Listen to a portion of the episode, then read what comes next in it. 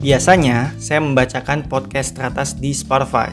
Nah, karena sekarang podcast pendek-pendek sudah tersedia di Apple Podcast, maka saya akan membacakan 10 besar podcast teratas Indonesia di Apple Podcast. Tapi sebelumnya podcast pendek-pendek sudah tersedia di Apple Podcast.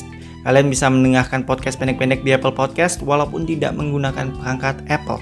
Linknya sudah saya sediakan di deskripsi. Baik, langsung saja ya. Nomor 10 ada At Home with the Williamses. Nomor 9 ada Podcast Mas, Podcast Kesehatan Masyarakat.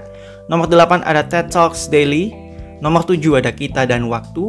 Nomor 6 ada Psikologit. Nomor 5 ada Do You See What I See. Nomor 4 ada Apple Events. Nomor 3 ada Hanan Ataki Podcast. Nomor 2 ada Rintik Seduh dan nomor 1 ada 5, 4, 3, 2, 1, close the door.